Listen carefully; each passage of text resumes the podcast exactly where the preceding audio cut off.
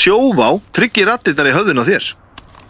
Sjóvá er sérlegur bakkjarl hljóðkirkjunar.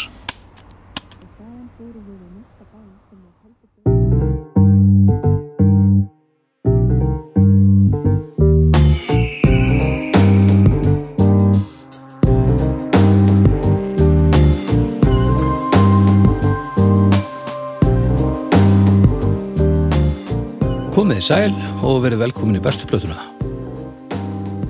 Ég heiti Baldur Ragnarsson, ég er upptökustöru bestu plötunar. Eh, ég sitt hér í hljóðkirkjurturninum meðan náttúran lemur hann að utan með alls konar ógeði.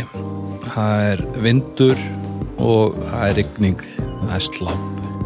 Það er allt eins og við vissum að erði, það breytir því ekki að maður verður alltaf brjálaður en inn í hljóðkirkjasturnum það er hlýtt, það eru ilmkerti.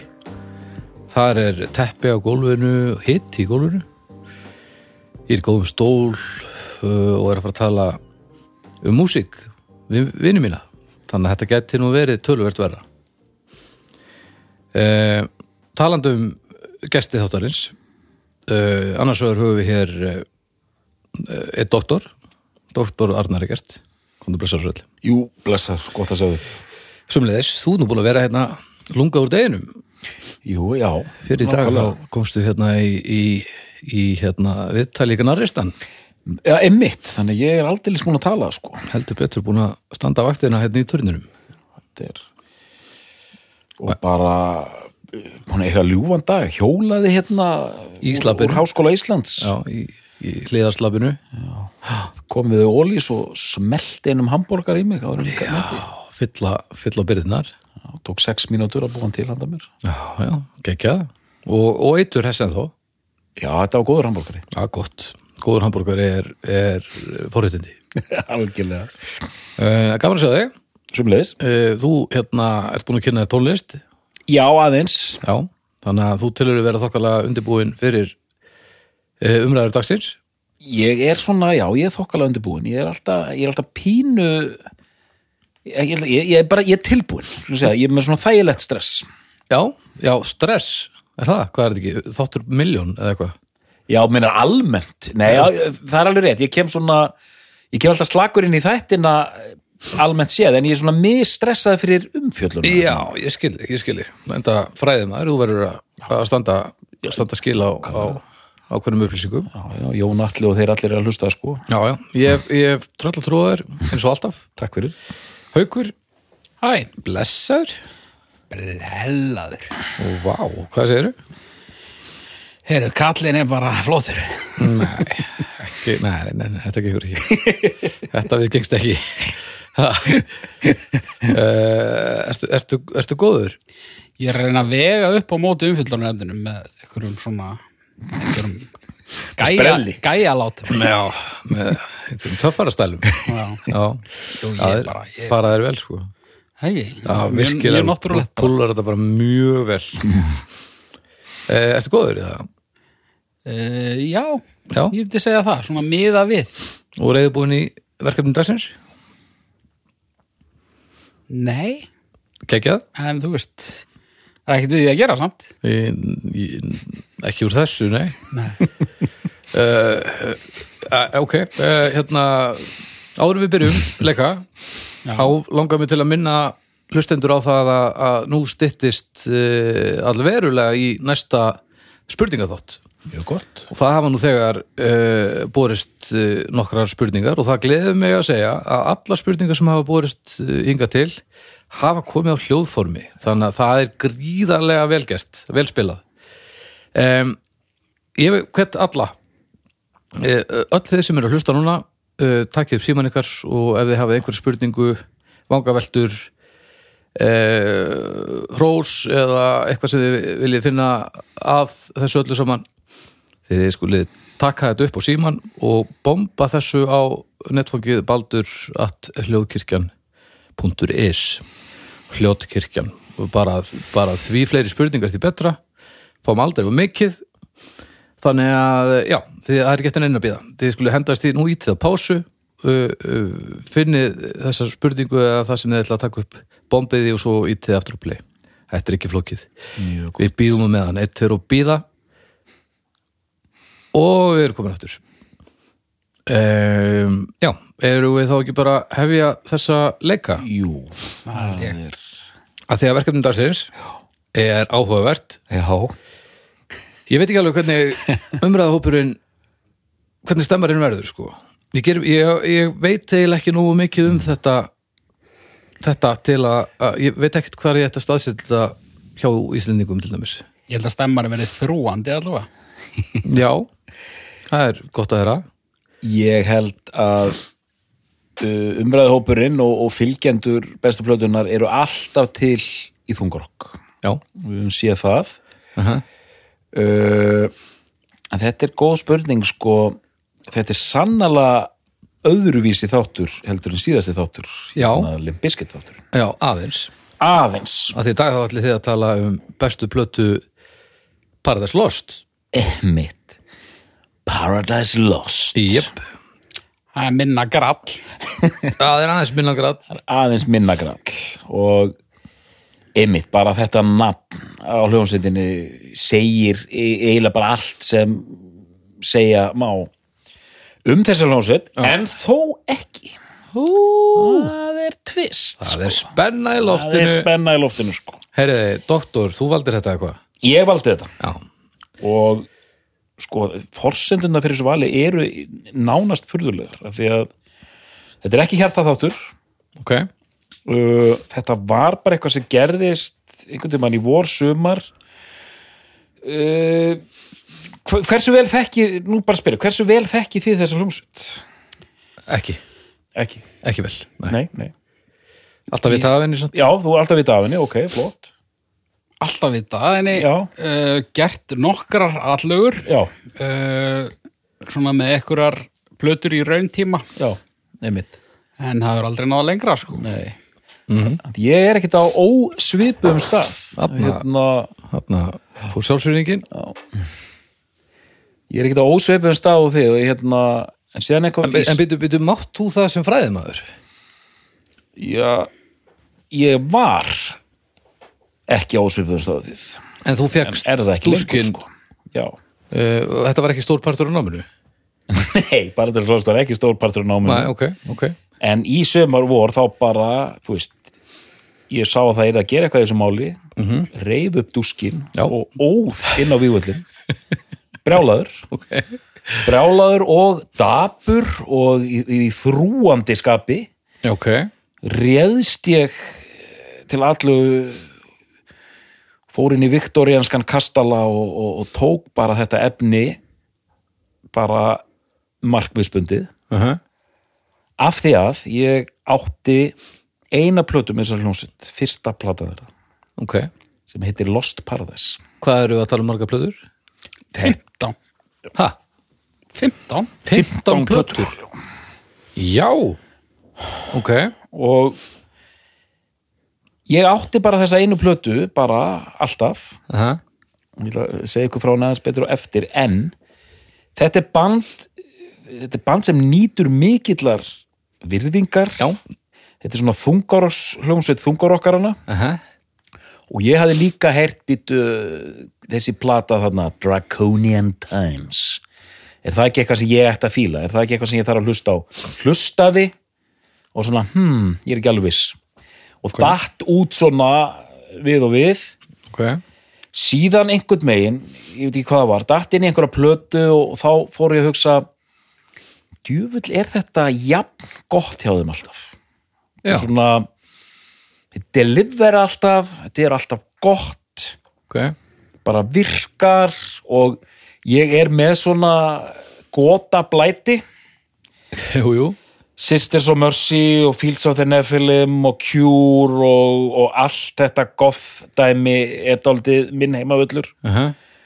og Paradise Lost eru taldir upphafsmenn það sem kallað er goth metal þannig ég hugsaði ég verði eiginlega bara að skoða þetta almennlega þannig að þá fór ég að stað og var svona kannski búið með tvo þriði því ég hugsaði bara já þá er ég komin í svo mikið stuð ég smelti svo bara inn í skjalið og ákvað bara að dempa mér í þetta. Þannig að þetta er nánast sko work in progress sko.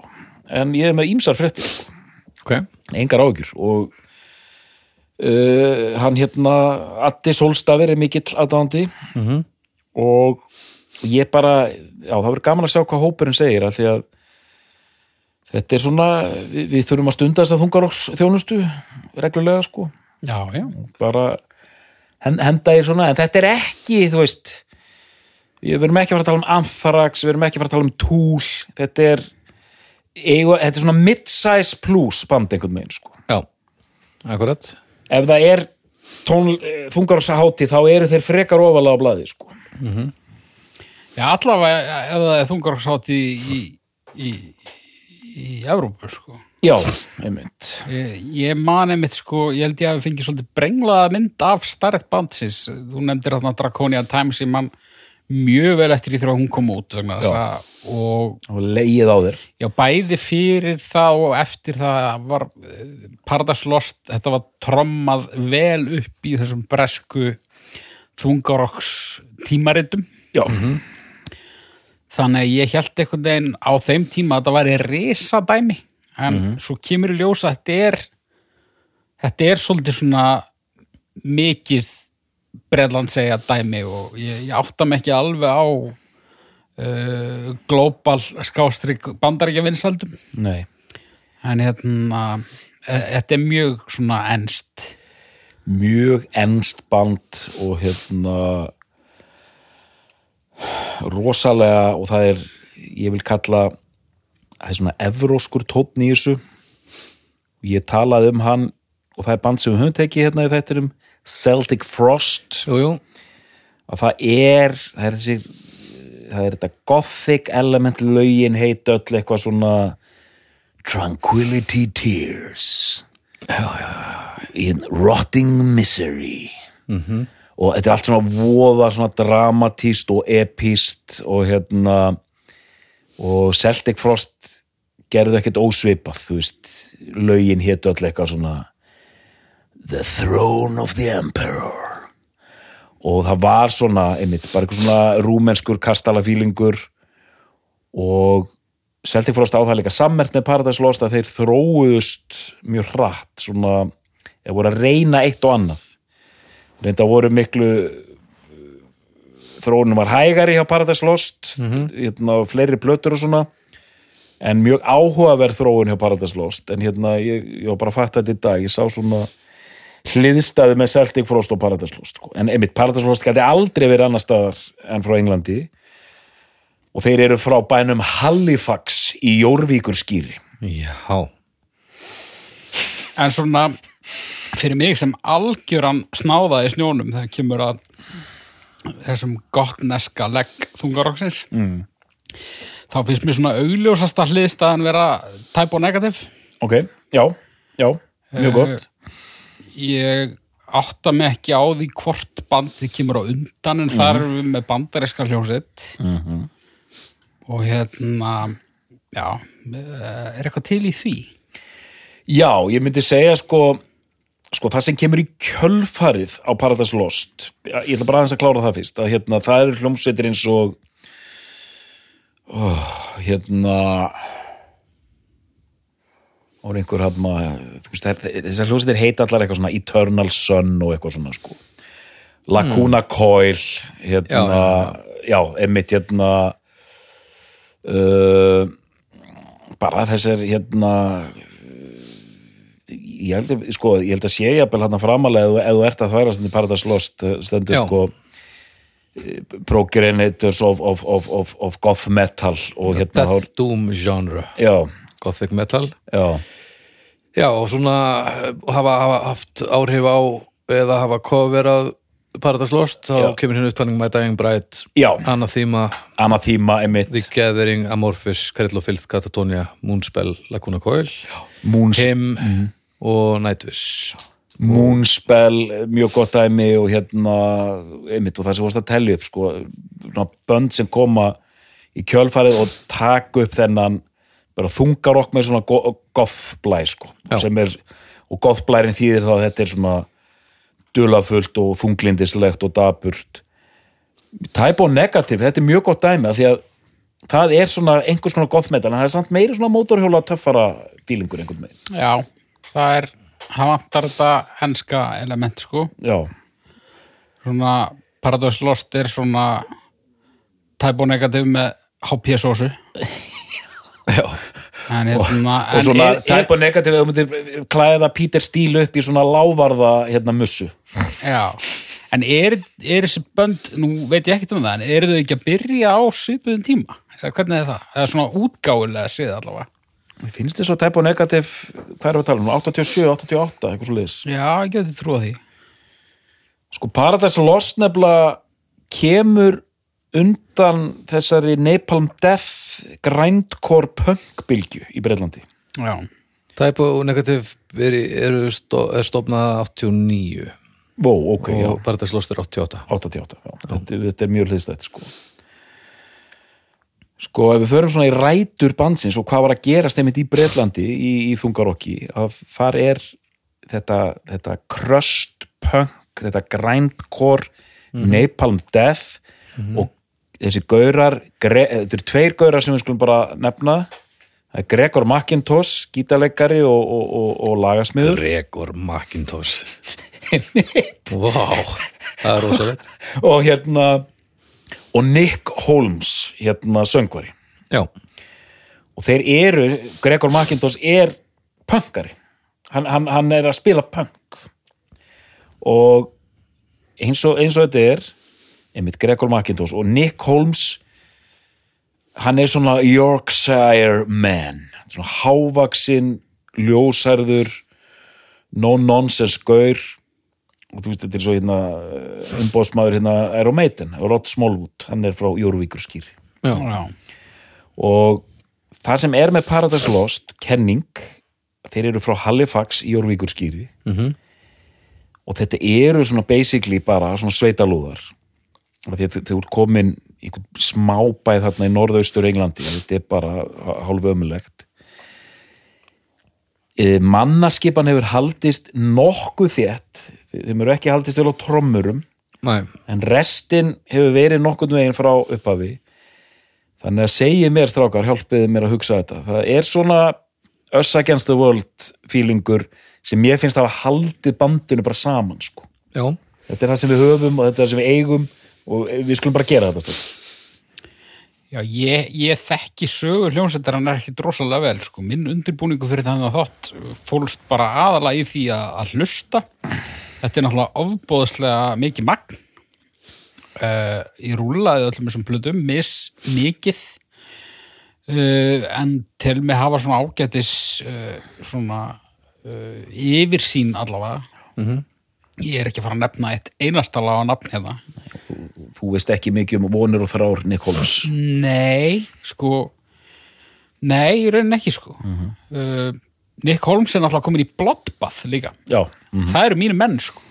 Bloodbath, Já, já, en uh, mér fannst uh, mér fannst þeir reyndar skemmtilegri að- áður en að hann mætti til leiks já.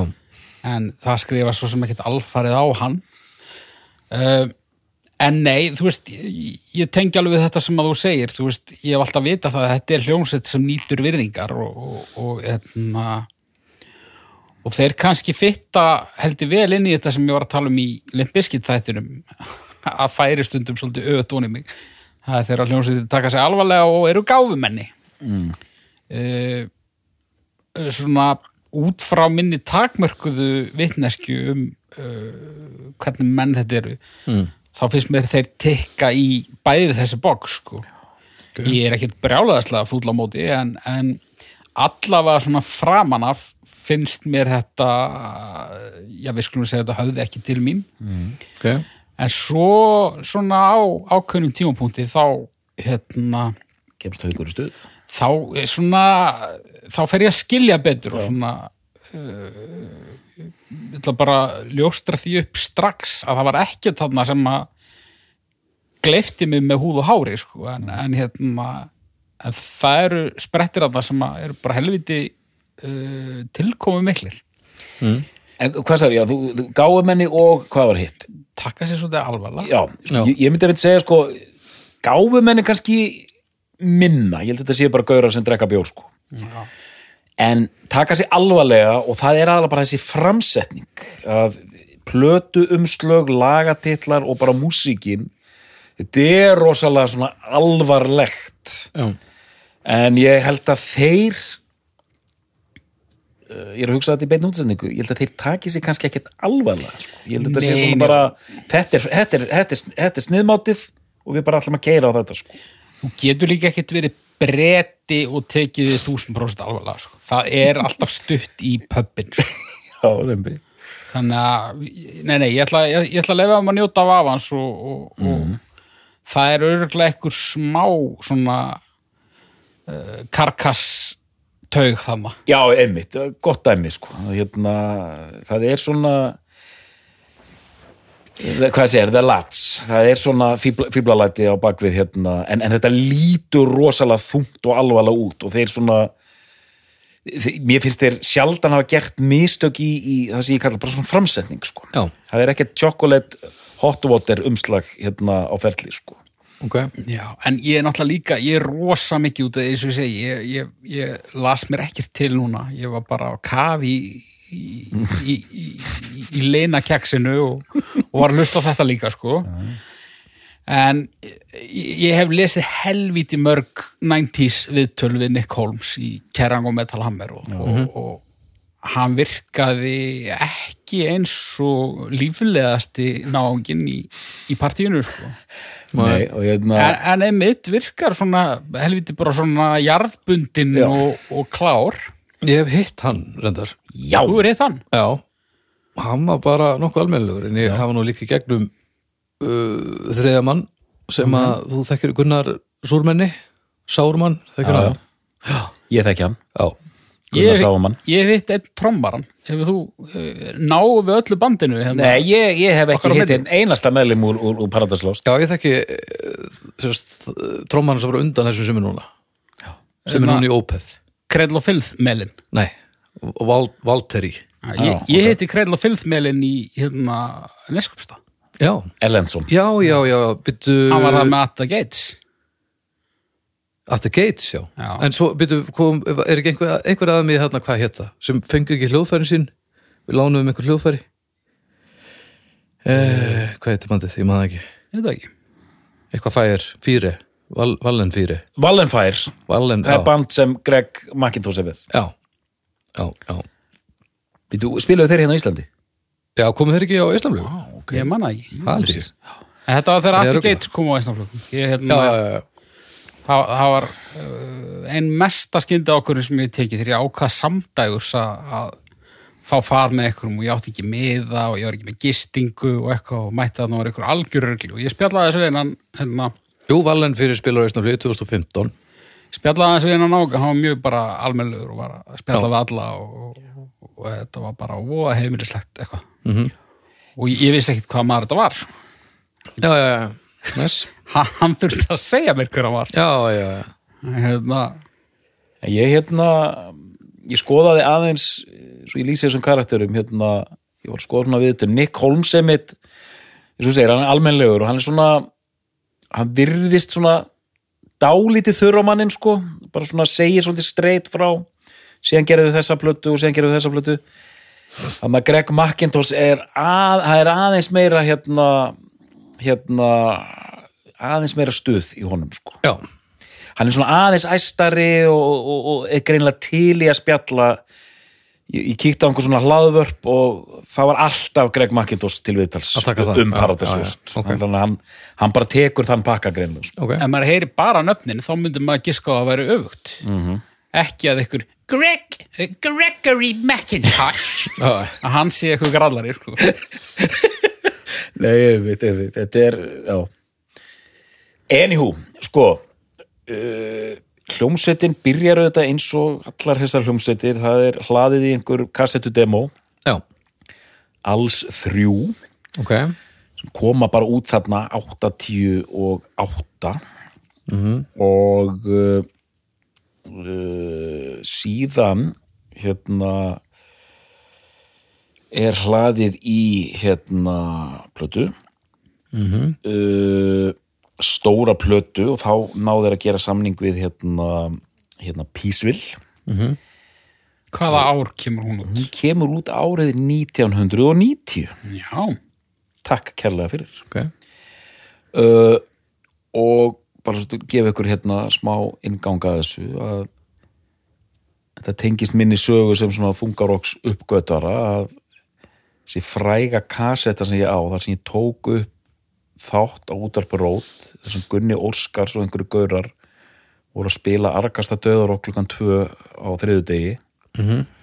þá heyrði ég flest þessi bönd í fyrsta skipti Diosite og Bolt Thrower og Autopsy og allt, allan hennan döðarokspakka Mhm. og þar var lag með Paradise Lost sem hérna heitir Rotting Misery og þetta var hægasta þingsta þunglindislegasta lag sem ég hefði heyrt. Og röddin var alveg hérna niður í kjallara. Mhm.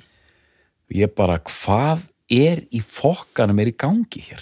Ég vissi ekkert hvað ég þekkti lítið inn á Black Sabbath og svona, ég vissi ekkert hvað Doom metal var, en þetta var bara svona löturhæg smíð. Mhm. En rosa þú veist, maður gati ekki annað en tekið eftir þessu, mér fannst þetta alveg stórkostlegt sko. Var það lag af fyrstu blöðunni? laga fyrstu plötunni Já. þar er, og þar voru tvö lög sem ég greip, það var Rotting Misery og Frozen Illusion. Ok. Og ég er 16 ára og það er eitthvað svona cool vélmenni á hérna umslæginu og ég bara var bara seldur sko. Ok, svona svarkvít mynd af þeim aftan á fyrir framan einhvern kastala og, Nick Holmes bara svona glæsilegur, fallegur maður. Mhm. og hann er svolítið svona eins og hvað ég segja ef, ef Coldplay var í fótboltaböllur. Já, já, einmitt. Þetta er mynda maður sko. Mhm. og hérna, hann er held ég ég held að sé fættur 71 já, og þannig að hann er 19 ára þegar, þegar þessi plata kemur út. Mhm. Og platan er hún er rosaleg sko. Hún er öll í þessum ham sko. Hérna öll lögin mjög hæg og þetta er bara svona doom metal. Og og platan bara hvað sem er, slæri gegn eða hún vekur mikla aðtegli og bandið hérna verður bara temmilega stórt í kjölfarið. Uh, og við erum að hlusta á þetta fullu hérna í árbænum alveg bara dýrkum þetta og hérna allir þessi döðar okkar Átni Sveins og Djöfladóri og Strigaskó gengið og kreinjum gaurarnir og allt þetta Mhm. árið síðar þá kemur út plata sem heitir einfallega Gothic Má ég Já, endilega, fyrirgjöðu eitt eða tvö orðum þessar fyrstu blödu? Fyrirgjöðu, ég bara glemdi mér. Allt, Endilega. allt í góðu sko. Út því ég, ég hef ekki drosla sterka skoðun á öllum þessum blödum ok, uh, einhverja skoðun á einhverjum þeirra. Ok. Ég hef frekar sterka skoðun á þessari fyrstu blödu jæja, það? sko- er nú með það? Á ég að fá kviðan hút út af því ég var eiginlega hólpin sko, hann var komin yfir í næstu blödu þannig að ég hefði ekki þurft að Nei, ég bara, ég heyrði strax í tónunum í hvað stemdi þannig að og, og ég er ekkit vissum að ég vilja að einhver djöfla dóri. Ég, ég vona allavega að hann sé ekki að hlusta ég veit ekki hver það er. Ég vil það. Allir kópákstöður okkar eru að samskonar hæð og Nick Holmes og eru, Nú eru þeir þeir eru bara- mannýr sko. Nú er það að setja inn í spjallið hittust í Hafnaborginni Já, ok, ég nefnilega, ég ætlaði að fara að ausa þessa plötu lofi. Djöfull er hún skemmtileg. Nei, okay, já, kom- með það, komdu með það, þetta er gott Þetta er gott. Þetta er það leiðilegasta sem ég nokkuð tímann heyrt á æfinni Djöfull er þetta fucking leiðilegt Ói Vá, ok. Já, mm. Og Ok. sko þarna, líka að byrja þarna sko, út af því að, ok nú ætla ég að minka stælana aðeins Nei, nei, Þetta er mjög gott. Ég held að ég hefði svona eftir á heikja, ég hefði átt að taka þennan katalóg aftur á bakk Ég skil. Ég held að, ég held að það hefði virka betur sko. já, og því þetta að byrja þarna setti bara rosa svona slæman tón fyrir Þú varst, þú varst já, ég- hvað er búið að koma mér út í? já, ég hugsaði bara ok, það er ekki það á ekki að vera hægt að gera svona leiðilegt dót sko. Hmm. en svo svona bara þú veist, komið fleiri plötur og svona ah, mm, já, ok mm, mm, en er það, er það því að platan er, er það því að þetta er svona hægt? Ég, þetta er bara þetta er bara allt eins ógæslega hægt og niðurdrefandi En- ok, já, já. ég ætla ekki að fullir það að þetta sé að þetta sé leiðilegt eða lélegt. Það var mín upplifun þarna. Ég held að þetta sé svolítið svona ég, ég, held, ég held ég gæti alveg komist á þann stað að þykja þetta ágætt sko. en ég, ég held ég þurfi af ég held ég þurfi að heillast fyrst af aðgengilegra efni frá þeim. Til að rúla aftur og myndi jafnvel enda með að þetta sé besta platan eftir allt saman sko, mér, mér, finnst það, mér finnst ósennilegt að ég sé að fara að taka þessar 15 plötur aftur sko. En ef ég myndi gera það það er ekki útilokað. Uh, þetta er allavega alveg frum efnið það sem þeir eru.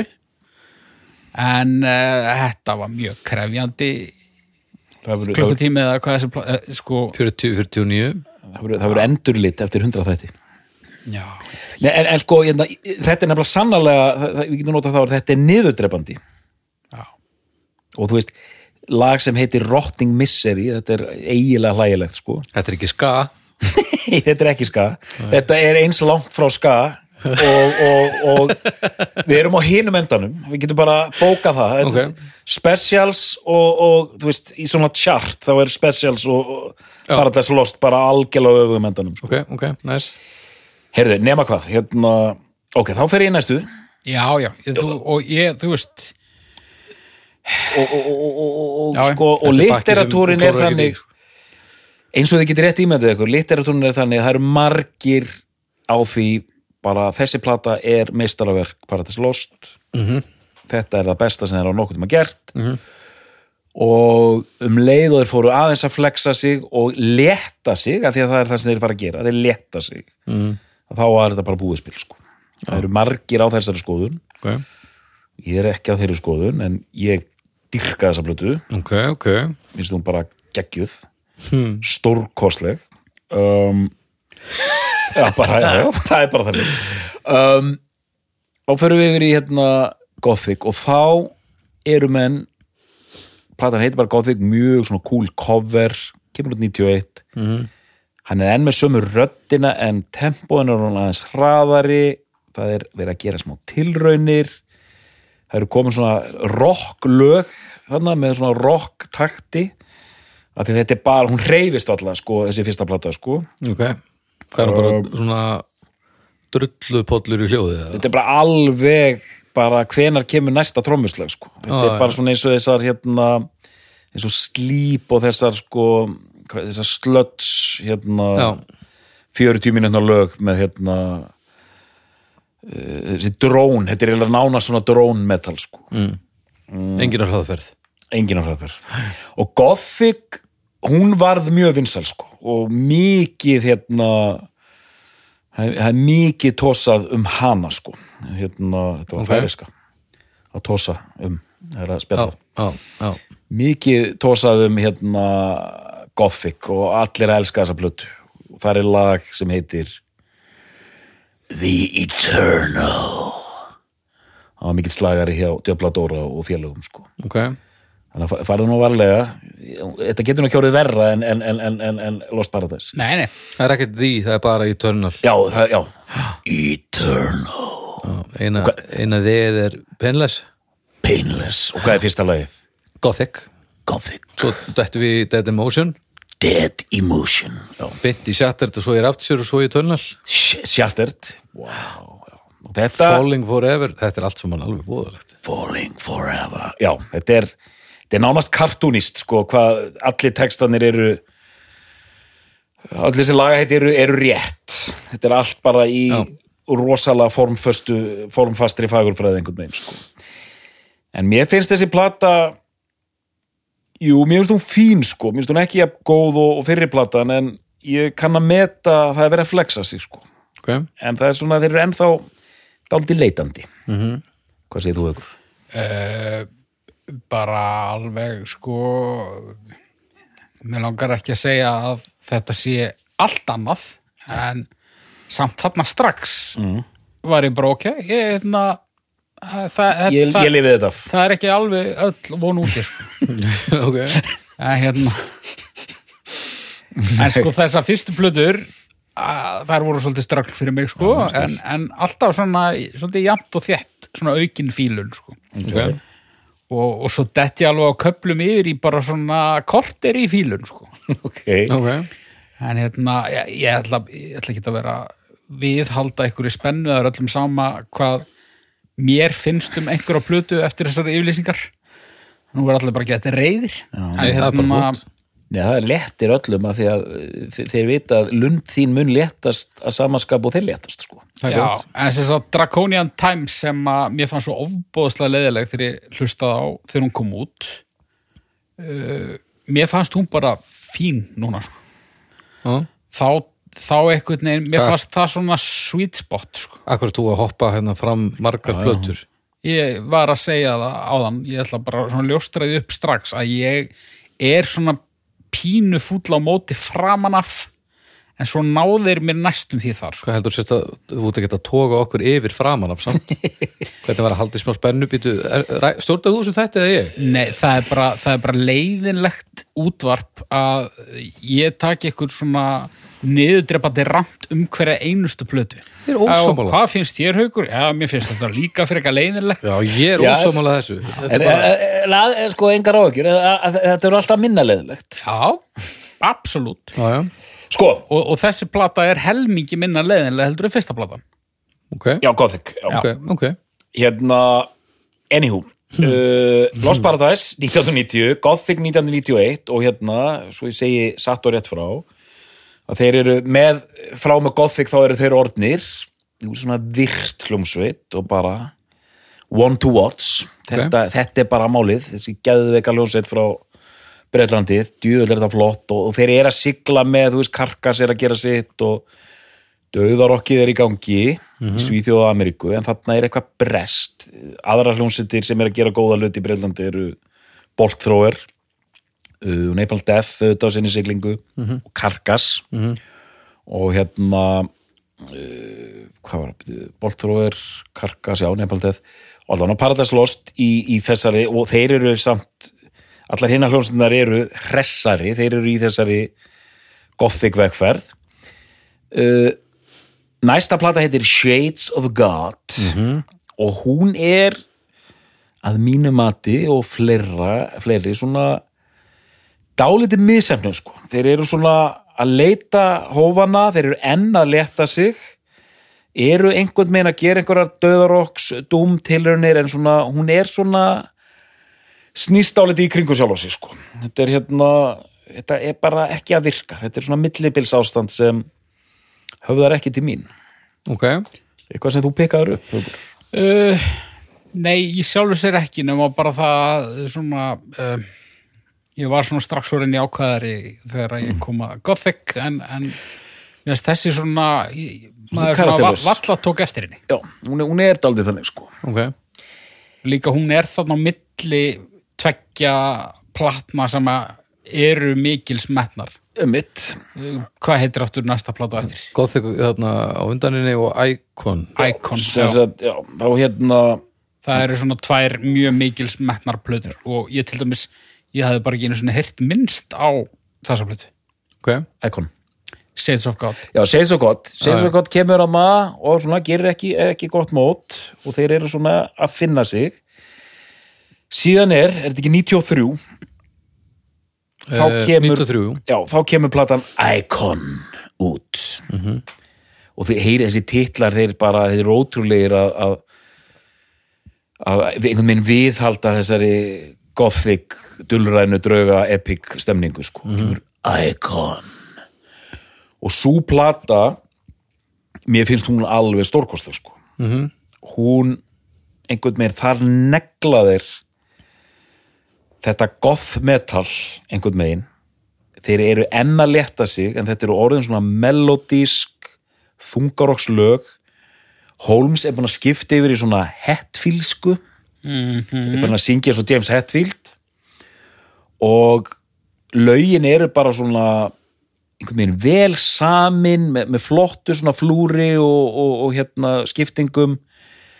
Og svona, og þetta er mjög djarft skref hjá þeim af því að eftir því sem þeir letast þá fer þessi kjarni frá sko. Og mér fann á sínu tíma af því ég er bara ungur þá vildi ég bara halda þessu stetti ég vil bara meira döður okkar eða meira dum sko. Þannig að þegar hljómsveiti gera þetta fara í hína áttina eru bara að verða meira mainstream og, og, meira aðgengilegri að fólk er ekkert ánægt með þetta sko. Þannig að ég var til dæmis á sínum tíma var ég ekkert að fylgjast með þessu sko. Nei. en núna þegar ég kem aftur þessar lagasmiðar á Icon þetta er þessi sorglegi, goth, tótt einhvern megin, flottar gítarlínur og bara, ég er bara í stuði sko, ég finnst hún rúla frábælega en þetta eru oft svona tildölulega mikli framhlaðningar. Að koma svona tvö, þrjú glæst lög. Síðan þetta er bara í einhvern svona hérna, sjálfverkan gýr en hann heldur alltaf sko. Okay. og það er það sem ég er að meina fyrir mig. Mér, mér finnst þetta og ef það er ekki árið ljóst, ég er greinlega að fíla þetta band sko. Og hérna fyrir mér er þetta svona jafn gott ég get sett þetta á og bara svona fara að búa til matið eitthvað áleika og bara í, í góðum fíling sko hvað séð þú ykkur? Já, sko, ég stóði þeirri trú að Icon væri nokkuð mikils metin plata, sko. Hún er ekki- Já, er það þá ekki endilega gamleir aðdándur heldur einhverju sem komu inn þar? Þú veist, Já, nefnir sko, ég hef tvær sögur sko, hún, hún vekur upp hjá aðdándum á þeim tíma já, en svona í- er svona hvað getur maður sagt, svona the mainstream heavy metal media, Kerrang og allt svona þeir stökkva allir á þetta sko. akkurat. það er bara vá, heyrðu hljómsveitin er að taka djörf skref þeir eru að framþróa sig þeir eru að hérna, þróa þetta gothic metal sound þetta er bara helviti flott hjá þeim sko. Eh, sko, þessi fúla á móti eru bara ég og djöfladóri sko, sem Já. viljum bara okkar gamla döður sko. Já, já. en nýjir aðdándur eru bara þetta er glæsilegt hjá þeim sko. Og mér finnst þessi plata bara stórkostleg. Og hún er að fara að koma út Newsflash Já. endur hlugrit Ég er ekki komin. hún er Ég- komin þegar þessi þáttur fyrir loftið, held ég. Já, Það þá- var hún ný útkomin, já, og þá er bara 1. búið að ta- desember og ég er svolítið, það er konið tveir singlar af þessu. Og þetta, þetta er engar stórvægilega breytingar þetta er bara svona eins og já, þetta er svona eins og Taylor Swift sko. Já, Bara þetta, svona, þetta er, það er verið að svifta þetta. Það er verið að svipta þetta, sko. Það er bara gamlir uh, samningar uh, hljóð upp á að þeir eiga ekkert af tónlistinni og ekki artworkið og ekki neitt. Já, þeir eru að svifta Þeir eru að raun svifta þetta þannig að það er bara allt tekið upp aftur Mhm. uh, á 30 ramali einmitt. Nýtt artwork og allt og, og uh, þessu dundraði loftið þann uh, 1. desember. Og svo þetta er túr kjölfarið. Þe- þegar Lost Paradise verður fær svona yfirharningu þá ætla ég að panta hana á Amazon og láta senda hana heim til hugs í DHL bækningu. Já, klálega með miðum á túrin. Já, ég, ég- ég upplýði þetta svolítið svona eins og þegar við vorum að undirbóku fyrir Fleetwood Mac þáttinn, sko. Bara svona framan af hryllileg leiðindi að mínu mati, samt svona, samt alltaf uh, betra og betra, sko. En svo kemur eitthvað stökk hann á Fleetwood Mac plöðunni sem er síðan svona uh, smiðishöggið kemur síðan á plöðunum eftir sko. ég upplifi Icon og Draconian Times svolítið þannig já, og það er raunin, raunin rétt höfður sko. já. þegar þarna er ég svona já, ég ég kannski, þú veist, þetta er fyrsta platan þar sem ég hugsa ef ég hlusta á þessar plötu nokkru sem við viðbútt þá geti ég mögulega að fíla hana. Já, og það er Draconian Times. Nei, það er Icon sko. Já, já, nú er ég bara í raun tímarum já, já. ok. Og sem sagt, platan sem kemur út á eftir Icon Draconian Times. Mhm, tveimur árum síðar tveimur ára 95. síðar, 95 það er mjög oft er hún köllu til sem þeirra hápunktur. Já, að þarna bara er templateið komið. Mhm. þeir hafa raunverulega aldrei losnað undan því sko og gangast alveg við því sko, hann hefur sagt hann hérna Gregor McIntosh hann hefur bara sagt þetta er platan sem fólk mælir okkur dálítið út frá. Já, ok. Og það er bara þannig. Og, hérna, og þetta er plata bara umslagið og áferðin og hvernig hún rúlar, þetta er bara svona glæsi verk, þetta er bara svona, svona viktorianskur metal einhvern veginn sko. Og hver, En- hver er við sama tón og það er nefnilega stuð á henni stundum, er stuð? stundum Já. Uh, það er nú ekki að sjá laga til þennum. þarna, þarna fór gamli stuðgormur að að sperra eirun sko. Ok. Nei, þú veist, það er alveg bara svona lög sem er svona, þú veist, það er ekkert hratt lag Nei, nei, en þú veist, þú, þú ert að ta- segja þetta grúfi já, á köflum gerir það það sko. Já, og svo er sko Bandaríkja Ríðisjú og þar er bara verið að taka Hásúnis ná Smiths cover. Já! Já, Vist, ég hef ekki heyrt þetta, ég hef verið að heyra þetta mm, það er eitthvað. Þa, það, Paradise Lost taka hásúlinu sinna á Já. Sko, hvernig finnst þér þessi riff? Ef þú tekur þetta bara svona kallt mat bara fín sko. ég, ég bara, hérna ég var bara ekki fúll á móti þegar ég hlusta á þessa blötu mér varst þú bara nokkuð fín sko. Já, hér, segi ég bara. ég var ekkert, hérna, Finnst þér að vera metalikun? nei Nei Nei, ég raun ekki. Mér hún bara svona, hún er nokkuð fjölbreytt uh, innan gæsalappa. Mm Við erum náttúrulega að- að segja fjölbreytt svona innan þess mengis sem að þeir vinna með. Mhm. uh, og hún er skemmtilega sungin.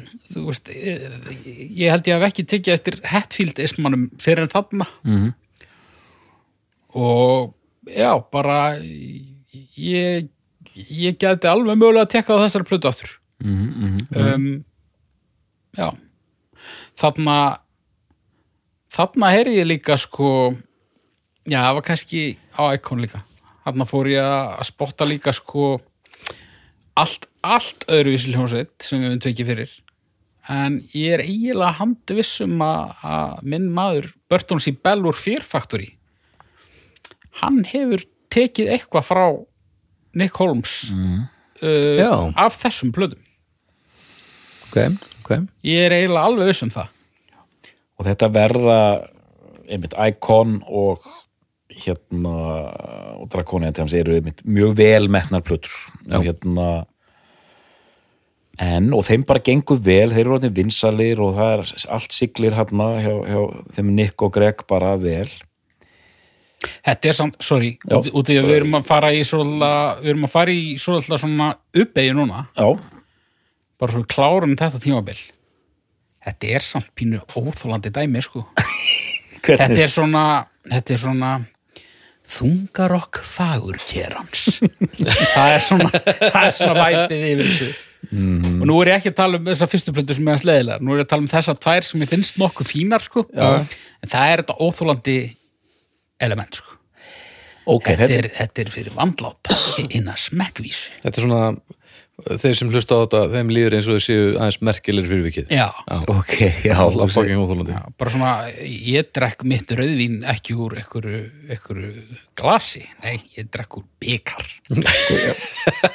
coverið á einmitt Draconian Times hérna, er bara þannig, ég sé það fyrir mér að viðhafnar útgáfa þeirri plötu er bara svona, þetta er úr flaugjeli sko, Já, einmitt, og þú færð svona þú færð kaleg til að drekka rauðin yfir þessar plötu.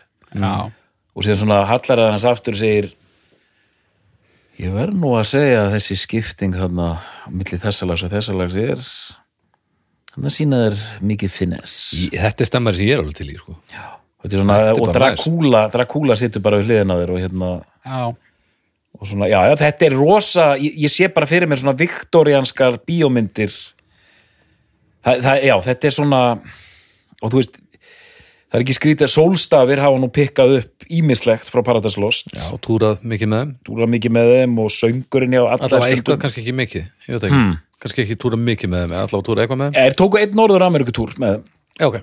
Og bara getur ímyndað er að er mikill aðdándi og hérna mikil upphefð fyrir hann en þú veist, Draconian Times, þetta er alveg rétt ég, ég reyna að vera með í þessu sko að hérna þetta þungarokk hins vandláta þetta er pínuð þannig.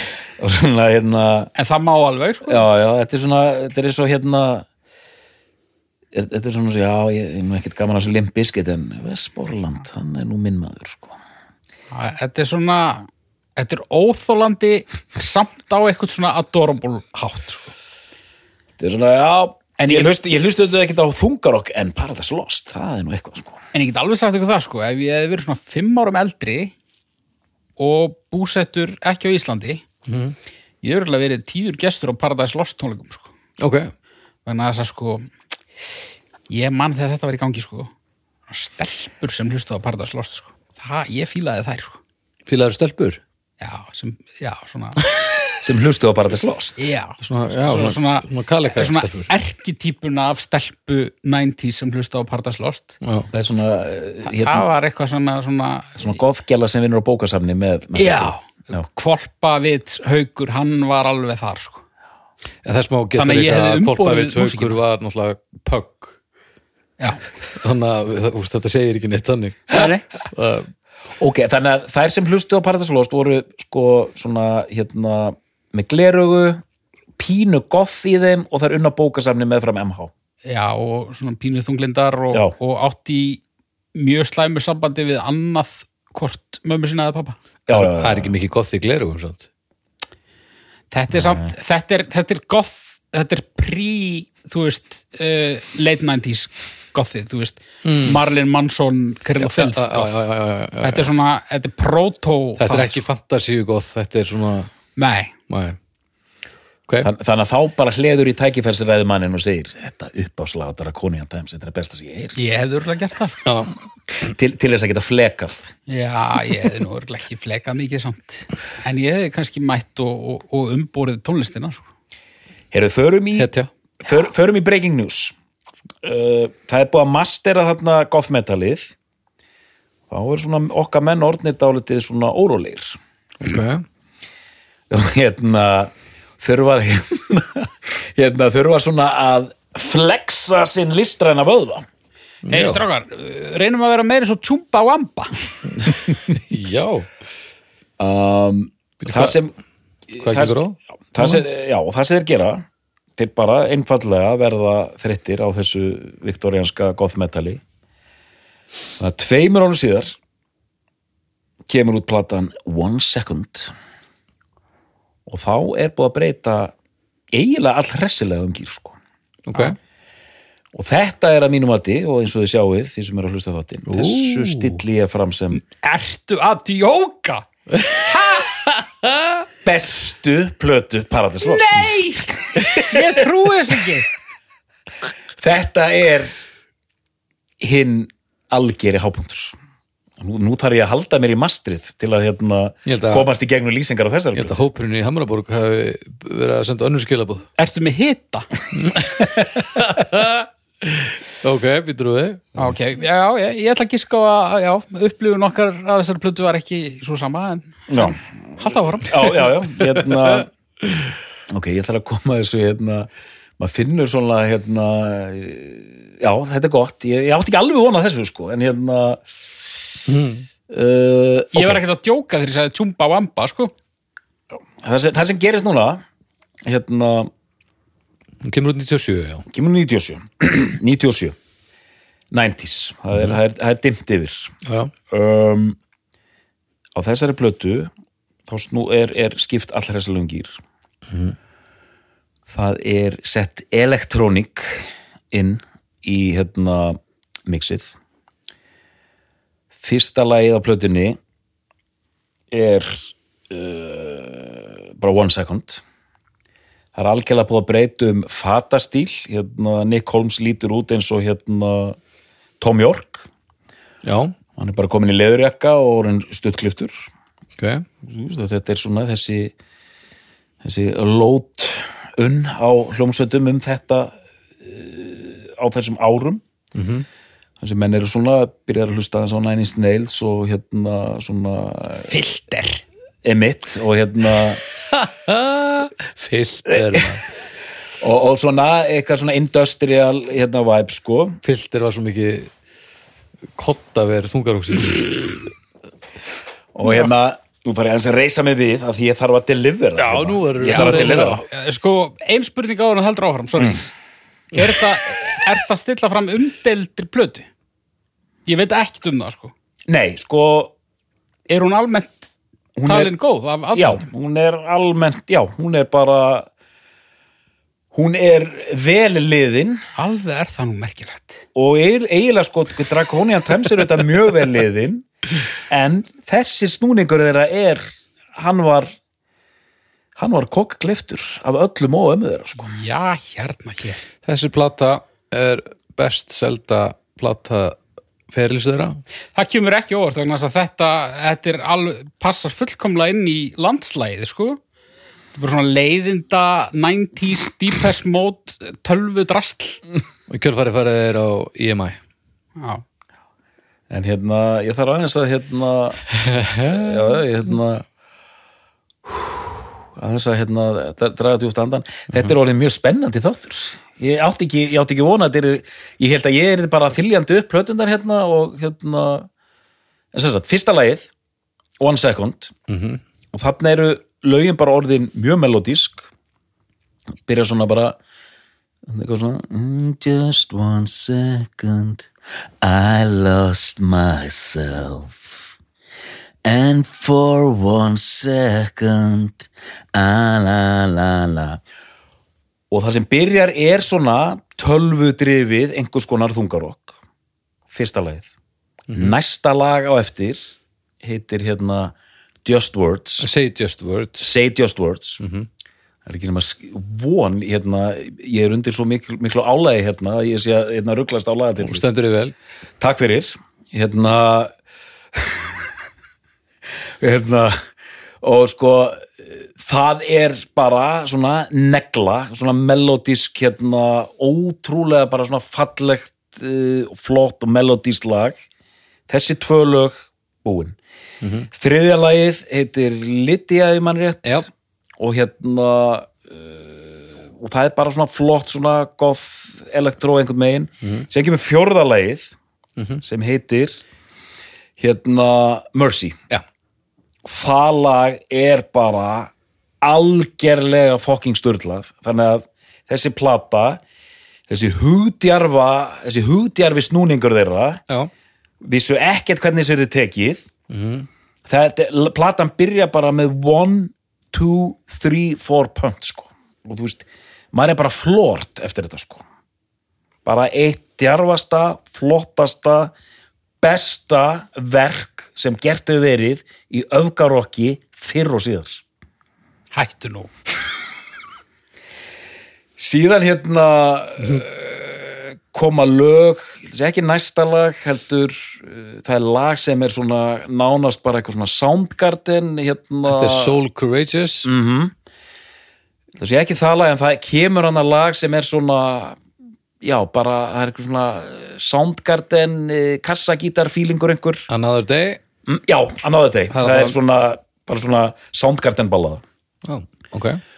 Og síðan bara svona heldur þetta áfram heldur sjó full komin samsláttur af elektróník og þungarokki og bara masterfúl á allan hátt. The ég, ég komst í gegnum þetta. Hérna, The Sufferer This Cold Life Blood of Another Disappear, Já. Sane og Take Me Down -hmm. sem á sumum útgáfum plötunar er með auka mínútu fyrir aftanlægið af þögn. Takk fyrir já, The Sufferer, já, hérna já, þetta, er allt, þetta, þetta er bara allt ásamlegt sko. og plötu umslægið, það er búið að breyta leturgerðinni, það er viðsnúningar á ýmsum sviðum sko. Þannig hérna En er þetta, er þetta djart? Að hvaða leit er þetta djart? Jú, þetta er svona, já ok, djart fyrir þá það er einhverjir 50 aumingjar sem fíl okkur. Við höfum ekki að tapa. Hérna, við erum svona band sem geti hitað upp fyrir U2 á einhverjum Surupa túr. Þetta er, þetta er, þetta er, sko, þetta er þetta djart að þeir eru komnir úr hérna, viktorianskum hérna, lávarðagöllum bara yfir ykkur matrix hérna, plast hérna, yfir einhverja matrix latexskalla sko. Já, þeir eru bara orðnir hérna þetta er bara svona Nine Inch Nails Deepheads Mode hérna, elektróniku fílingur sko. Veist- og já, ég meina ég man ekki eins og hvort það voru djúran eða aha sem tóku svona tímabil sko. -hmm. Þetta myndi mig á það. mjög mörg bönd á þessu tímabili 95 til hérna 2000 voru að gera, ég meina David Bowie gerði þetta á Earthling og, og vera að inklúta þetta Nine Inch Nails dæmi inn sko. En sko núna höfum við oft talað um þetta í þættinum og þú hefur oftar vakið máls á því og ég hef alltaf tekið í þannig að þér finnist að pínu glatað þegar að listamenn gera þetta út því að það er svo dæmigert. Já, sko, en, En- mörgum tilfellum mísefnast en, En, en þú ert á því að þetta sé velhefnað. en vel som tónnin átnafinur eins og, eins og ég er búin að já, já, ég er hérna mi- minni málsvörn fyrir hérna one second er lokið Og sko, ok, og svo, svo þegar að þessi ósköp voru yfir staðin þá held ég, held ég nú að það kæmi, en svo heldur þetta bara áfram. Herri- Þetta eru bara þrjár plötur í röð sem eru svona. 99 kemur host Já, sko förum varlega, förum varlega stað og hérna núna kem ég aðeins til þín hugur Það eru ba- aldrei, aldrei verið jafn langt á milli okkar á one second. Núna kem ég aðeins til þín sko. Þess maður geta að, að hérna, one second uh, það er hérna genre. Já. á wiki gothic rock, ele electronic rock og synth pop. Mm já, einmitt, einmitt. Og næstu plötur um electronic rock, dark wave, gothic rock, synth pop einmitt, sko. Við erum, já, við erum bara- bara. Já, og sko það sem ég vil segja um Host já, sem er plata, kemur út 99 þá er í rauninni allt þungar okkur tekið og það er skilið eftir sko. og þeir verða bara algjörlega að taka þetta Deepheads Mode skref til fulls. Ég meina, umslæði rammar þetta inn. Umslæðið er nákvæmlega þetta Má ég, sagða það? það er bara það umslæðið er þessi plata sko.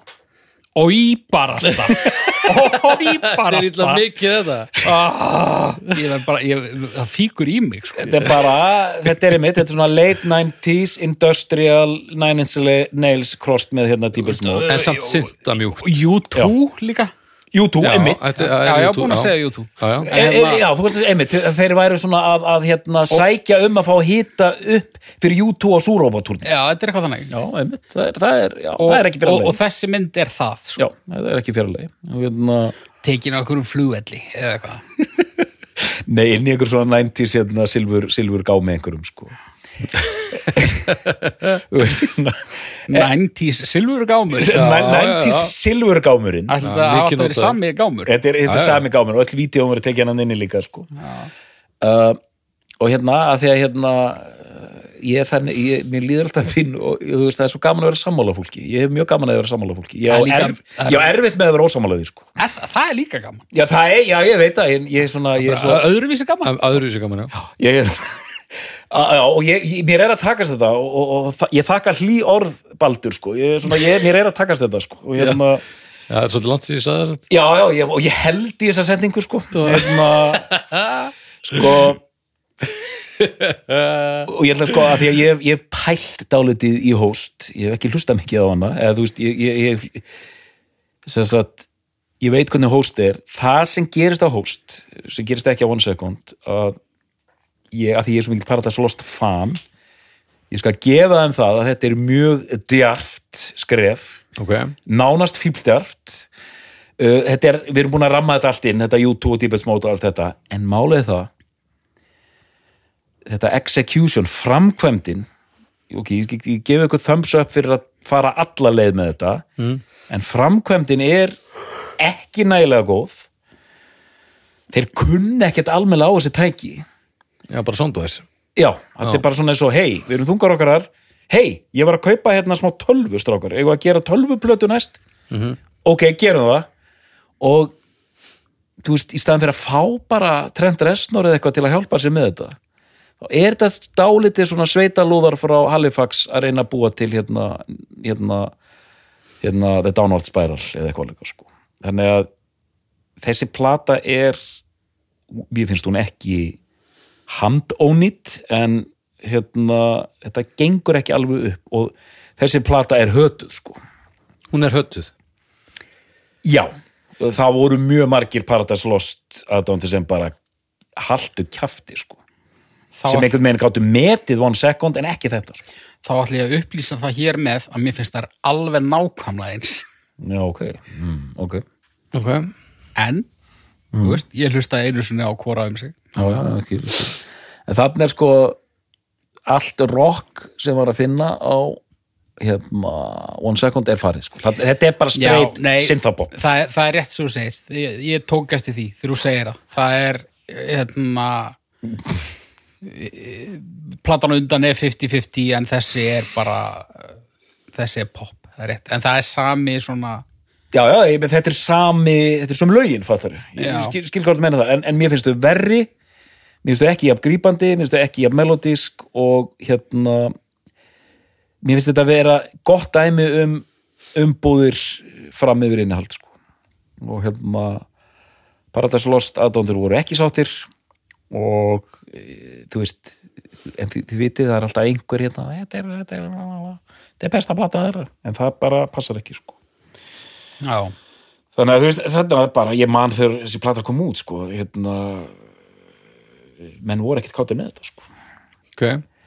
Sko, ok, þeir fá, já, svo margar plötur eftir. Já, já, engar ágjur, sko, og við þurfum, við þurfum ekki að fara svona ítalegðar allar, sko, en hérna, uh, næsta plata heitir, hérna, hún kemur úr 2001, það er, hérna, hvað heitir hún aftur? Believe in nothing. Believe in Nothing. Hérna þetta er að mörgu leiti svona eh, einhvers konar lágpunktur hljómsveitarinnar.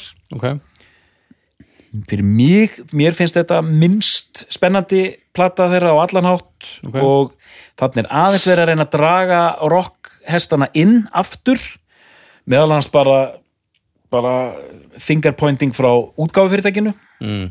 bara strá, strákar, þið verðið aðeins að hérna, við viljum fá meira rock og hún er rosa lost hérna pun intended þessi plata þeir svona þeir viti ekkert hvað er að gera eða hvernig þeir eru að komast aftur tilbaka og þeir vilja hálfpartin ekkert fara aftur tilbaka og þetta er bara svona aftur plata sem bara snýst, snýst í ringi sko.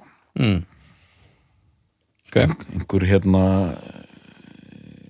einhver einhver falleg orð frá þér einhver nei, mér- fannst það bara hörmulegt. En Ég þarf, ég þarf að fá mér vasklas hérna sko. Já, já, Og- ég skil hérna, það, skil höldum áfram. En sko það eru bjartari tímar framöndan ok. Hvað mig var það? Já, Hvað árið síðar kemur aftur plata þar ekki? Þetta er, þetta er þryggja plötu slömp uh, að mínum mati. Ok, sko Jú, nú ég, ég get staðfest að, að nú fer landið að rísa um, frá með næstu plötu sem heitir Symbol of Life. Hún kemur úr 2002 og þetta er svolítið við erum mættir aftur strákanir sko. Það er skrítin ábreiða á þessari plötu. Já, Small Town Boy, Já, geggjað. Já, alveg geggjað. Hafði alveg pínu gaman að því sko. Vist, hérna, Ég bara trúði ekki mínum eigin augum þegar ég sá hana lagatitil. Ég bara, já, nei, þetta, þetta getur ekki verið. Þetta er, þetta er eitthvað Nei, nei, nei, þetta er bara small town boy. Já, eftir að heyra hérna ég verð að heyra hérna How Soon Is Now en hérna, mér finnst geggja þeir taka hérna Small Town Boy Bronski Beat, hérna Jimmy Somerville ótrúlega fallegt lag sem fjallar um samkynheðan dreng í smábæ í Englandi. Mm. þetta er, al, er algjörn svona anthem Já, samkynhegt anthem. Og þarna koma þessi hljómsveit eh, frá emitt litlum bæ í Breitlandi Mhm. og bara tekur þetta lag og bara gerir það bara helviti vel. Mm. og mér finnst þetta svo fallegt sko, gesture. Að hérna fyrir að því að þungarokks samfélagið það eru kostir og gallar inn, innan þess sko. Og að þessi hljómsveit taki bara þetta lag streitt Mhm. ég held að mörgum hafi þótt mjög vænt um það. Mhm. svo ég hérna fari á innlegar nútur jú, jú. Uh, en platan sem slík uh, Symbol of Life hún er svona fyrsta lagi, það er svona Ramstein fílingur í því sko. Já, já. og en það, þetta er, það er trukka þannig sko. Þeir eru bara, þeir eru mættir aftur í rockið. Já, mér fannst hún, uh, það var ekki þannig að þetta væri svona, já, erum við konur eftir strákandir, en, en hérna, ég alveg klárlega skrifi rétt átt og, og hérna, bara, hún, hún, hún er köld og einmitt svona Rammstein fílingur en bara, hún er samfærandi sko. Já, og bara svona, já, og svo er það bara tröppugangur upp aftur, sko. Já, hérna, já, Já, svo kemur þremarum síðan 2005, Paradise Lost samnefnd. Já, Og þá einmitt, ef við förum hérna, aðeins að fá að svona, ég ætla, ég ætla ekki að fara svona ítalegðar allar, ég ætla aðeins að fá að, fá að bara leið okkur í gennum þetta. Hérna, að því nú er ég sjálfur líka, eins og Haukur segir, er svona tröppugangur upp, það er verið að þingja sig aftur, en um leið er að myndast, og við þekkjum þetta frá öllum öðrum svona hljónsundum, er að myndast svona generic sound, það er bara sest niður á eitthvað svona, svona hérna, hefðbundið eða- Þægindaraminn. þægindaraminn sko, bara einhvers konar Paradise Lost Sound sem er smíðað úr hinn og þessu úr þessum gömlu plötum og það er svolítið meir og minna kyrt á því áfram. Og þá er þetta bara orðið þetta bara brand. Uh, það eru seldar hérna Paradise Lost leggings á hérna heimasíðunni þeirra. Ú, ég þarf að panta með hann. Já. Og hérna uh, og sko veist og plötunar eru þú veist, þær eru svona reistnar fullar, það er aftur farið í svona þetta Viktoríu element sko oft byrjaðar á svona píanostefi og síðan er bara keirt í svona epist Paradise Lost rock. Það er þessi samnemda Paradise Lost síðan Já. kemur svo kemur uh, In Requiem. In Requiem. Um, og þú veist, þarna er ég líka aðeins farin að ruggla þessu saman sko. Eftir In Requiem kemur Faith Divides Us, Death Unites Us. Já, þá, þá er, er, er þeir aftur að verða í rauninni bara vel þungir sko. 2009 Mhm. uh, svo fáum við hvað? Tragic Idol. Já, mér fannst hún persónulega pínu slöpp. Ok, hún er með Baroness coverinu. Mm uh, svo og baroness umslæðinu já, uh, já ég meina það. Já, einmitt. umslæðinu sko. Svo The Plague Within 2015 The Plague Within. Það er bara metal. það er geggja cover. Það er, e, það er bara, Þungarokk. gothið bara eiginlega farið. já, bara, bara svona crunching þungi sko. Ok, Eh, Það ætti nú ekki að koma ykkur óvart, en mér fannst hún svolítið skemmtilega. sko. já, Plague Within. Já, já, ok. Förum aftur að henni, klárum þetta bara eins það er bara lítið eftir, ekki? Medusa næst. Medusa næst, 2017 hún er 2017 og síðan kemur Obsidian 2020 uh, já, Emmitt, förum aðeins hérna Emmitt, og, og þannig eru komnir og er að leika sér með eins og The Plague Within, Emmitt, sem er bara vel þungt og það þingsta sem það er gert bara síðan í rauninni Paradise Lost nefna Lost Paradise, sko já, en eins og Ok. okay. segir, metal já. Hva, uh, forvitni sagir, hvað hva, hvað er hún skráð á, á Wikipedia? hver? Uh, The Plague Within. Hva, hvað er hún skráð? Eh, Þú veist, genre.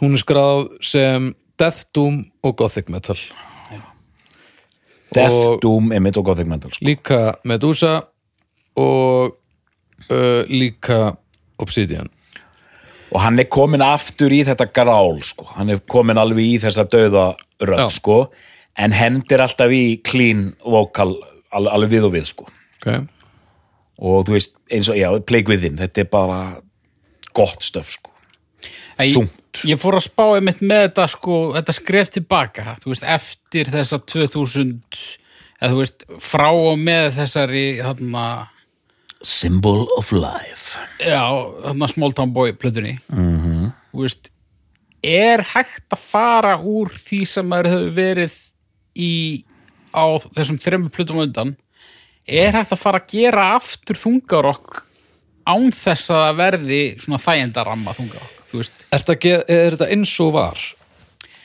um, kannski ekki Nei. alveg eins en, en áþekkt og náttúrulega þú veist uh, stílar og, og ströymar í, í hljóði hafa breyst þetta er bara svona svolítið uppdeituð útgáfa af uh, eins og þeir sánduðu fyrir 97 Eh, þannig upplýfið þetta. Ok, já, þetta er svona þú veist, þessi 2000 og, eh, þessi plata sem ég er að tala um hún- hefði alveg geta komið bara strax á eftir Draconian Times. Plague Within. Já, kannski ekki hún hefði komið út ári síðar en, en Pl- Plague Within er kannski svona það er eins og sé búið að taka Icon og Draconian Times og hella smá af þessum þingslum sem eru á hérna Lost Paradise og hérna Gothic. Já, það er, en, það er, þetta, er, þetta er melodies en þetta er alveg nýþungt. Umt þetta er miklu þingra heldur en Icon og, og Draconian Times sko. ok, þetta er alveg bara svona þungt þungarokk sko. En með þeirra stíl alltaf. Það er alltaf þessar hljómsættir sem ég elska eins og veist, Sisters of Mercy og hérna veist, sem er og, veist, Fields of the Nephilim Mission, þetta voru svona bara svona, þú veist, bara kjúr í, í fimmtagýr sko. Og hérna, það sound er alltaf líka í Paradise Lost sko. Það er greinilega mikil hamingja með þessar þrjár síðustu. Í- fólk er bara vel sátt sko. Og þú veist, soundið er líka þú veist, geggjað. Þú veist, Já. það er komið þessi nýja bara þetta hljómar rosa modern allt saman sko. -hmm. og fyrir mig og fyrir mig persónulega, mér finnst þetta allt svo bara steady, og það var þessi fyrsta hugmynd mín aðeins sem þætti var að mér langaði bara til að skoða og sem betur fyrr er þetta ekki hjartaþáttur af því þá var ég búinn að fá hjartaslag. Já, já, að hérna, mér langaði bara til að rannsaka þetta og kanna þetta og skoða þetta. Því ég, bara, mér fannst svo þægilegt að hlusta á þetta og fannst þetta svo jafn gott. Vildi bara skoða þetta sko. þannig Já. að sem, betur fyrir er ég kaldur og í slopp af því að hérna já, ef, ef, ef, ef, haukur hefði látið svona í Big Country þættinum, ég hefði ekki lifað af sko. nei, nei, nei, nokkulega svo ég seti smá hérna stuð í þáttinn. Við, erum ég- að, við erum að performa líka sko, ég hefði líka líka ekki þórað að hafa mig svona ef að ég hefði vitað að þetta var ekki hjartaþáttur. Já, Þannig að, en já, mér finnst þetta bara, mér finnst þetta áhugavert og hérna, og ég er svona, þú veist, ég er, ég er ekkert, eh, ég, ég, ég dyrka ekkert allar þessar plötur. Ég, hérna, mér finnst þetta bara, mér finnst þetta líka áhugavert út frá þessu ferðalagi að ve- vera alltaf að breytast, sko, þannig að fyrstum sinn. En þú veist, þetta band sem var að taka allar þessa sensa og þróa sér svona, gerir það í rauninni ekki lengur, sko. Veist, það er alveg hægt að veðja nokkuð það er að taka mjög educated guess á hvernig næsta Paradise Lost Já. hvað það mun hljóma og hvað hún mun, hvað hún mun heita mér sig sko. -hmm. og mér finnst merkilegt að geta gert þetta þetta eru ennþá menn á besta aldri sko. Hérna, helvitið er fætt 71 sko. hann getur bara, þið geta verið að trukki þessu næstu 20 ár sko. já, ferðast um allan heim og, og spila eh, spila þetta efni sitt sko. -hmm. og komnu með katalóg og allir, allir bara hefði sátir sko. hvað er þetta band? Hvað er þetta? já, þú veist, hvern, hvern, er, hversu mikilvægt er það? Ég er mjög reyfin að þessari kenningu haugs um þetta connoisseur status sem eru með sko. Ég held að það sé ímislegt til í þeirri kenningu sko. svona tool, Já, og þetta stelpunnar hérna svona primordial vibe, svolítið Já, sem svona að með- Behemoth er með svona touch á þessu þungarokk hins fáaða manns. Mér finnst þetta svo já, svona, merkileg og svona, út, er svona- út, þetta er svona útpælt. Já, þetta er svona shutting off the pop uh, þungaroksins. Já, já, Já, þú veist, eins og uh, doktorinn nefndi snemma í þættinum, þetta er hljómsveit sem nýtur virðingar og, og hefur haft áhrif. Ég átta mig ekki alveg á umfangi áhrifana, en þú veist, ég heyrði strax eitthvað dót sem ég fíla sem að uh, tekur að öllum líkjum einhver áhrif þaðan Mm. og þú veist, þessi goth doom bylgja, hún hérna uh, hún kemur í rauninni í kjölfar eins og ég upplifi þetta þú veist, í rauninni bara í kjölfar íkon, er það ekki? Er ekki hægt að segja það? jú, algjörlega En, en, en ég er ekki góður í að nefna bönd, en öll þessi bönd sem þú nefndir áðan, þú veist, Amorphis, uh, hvað þetta allt heitir, skilur uh, þetta eru allt bönd sem maður las um, þú veist, uh, og á næstu opnu var verið að tala um Paradise Lost, skilur þannig að hérna, þetta var heilmikil bylgja og ég veit svo sem ekki hvaða uh, hvort þessara áhrifa gætir eitthvað þar í dag en, en uh, ég bara þekki það ekki. Nei, sko hérna Nei, en ég meina þessar plötur, Icon og, og Dracon and Times búa til einmitt þetta gott metal sko. ég meina, þú veist, ef við tökum bara þennan svona sinfoníu leiðindametal, en bara, þú veist, það er eitthvað slóvenar að gera eitthvað ógeð.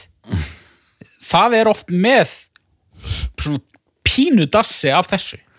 Ég veit ekki hvort að þessi bönd taka það beint þaðan eða frá einhverjum einhverjum millilið. Var, ekki- ég meina, ég held að sko þessar hljómsveitir- black metal hljómsveitir er svo of Filth og Dimmuborgir sem er ekki, þú veist þetta hafi haft áhrif, á- já, á þennan sinfóníska metal. Já, því þú heyrir þessi lög á Draconian Times sérstaklega, þetta er symfónist, þetta er epist þetta er svona veist, þetta er bara, þú veist eh, hérna, vindur í hári blaktandi, öll þessi element eru þarna, sko. -hmm.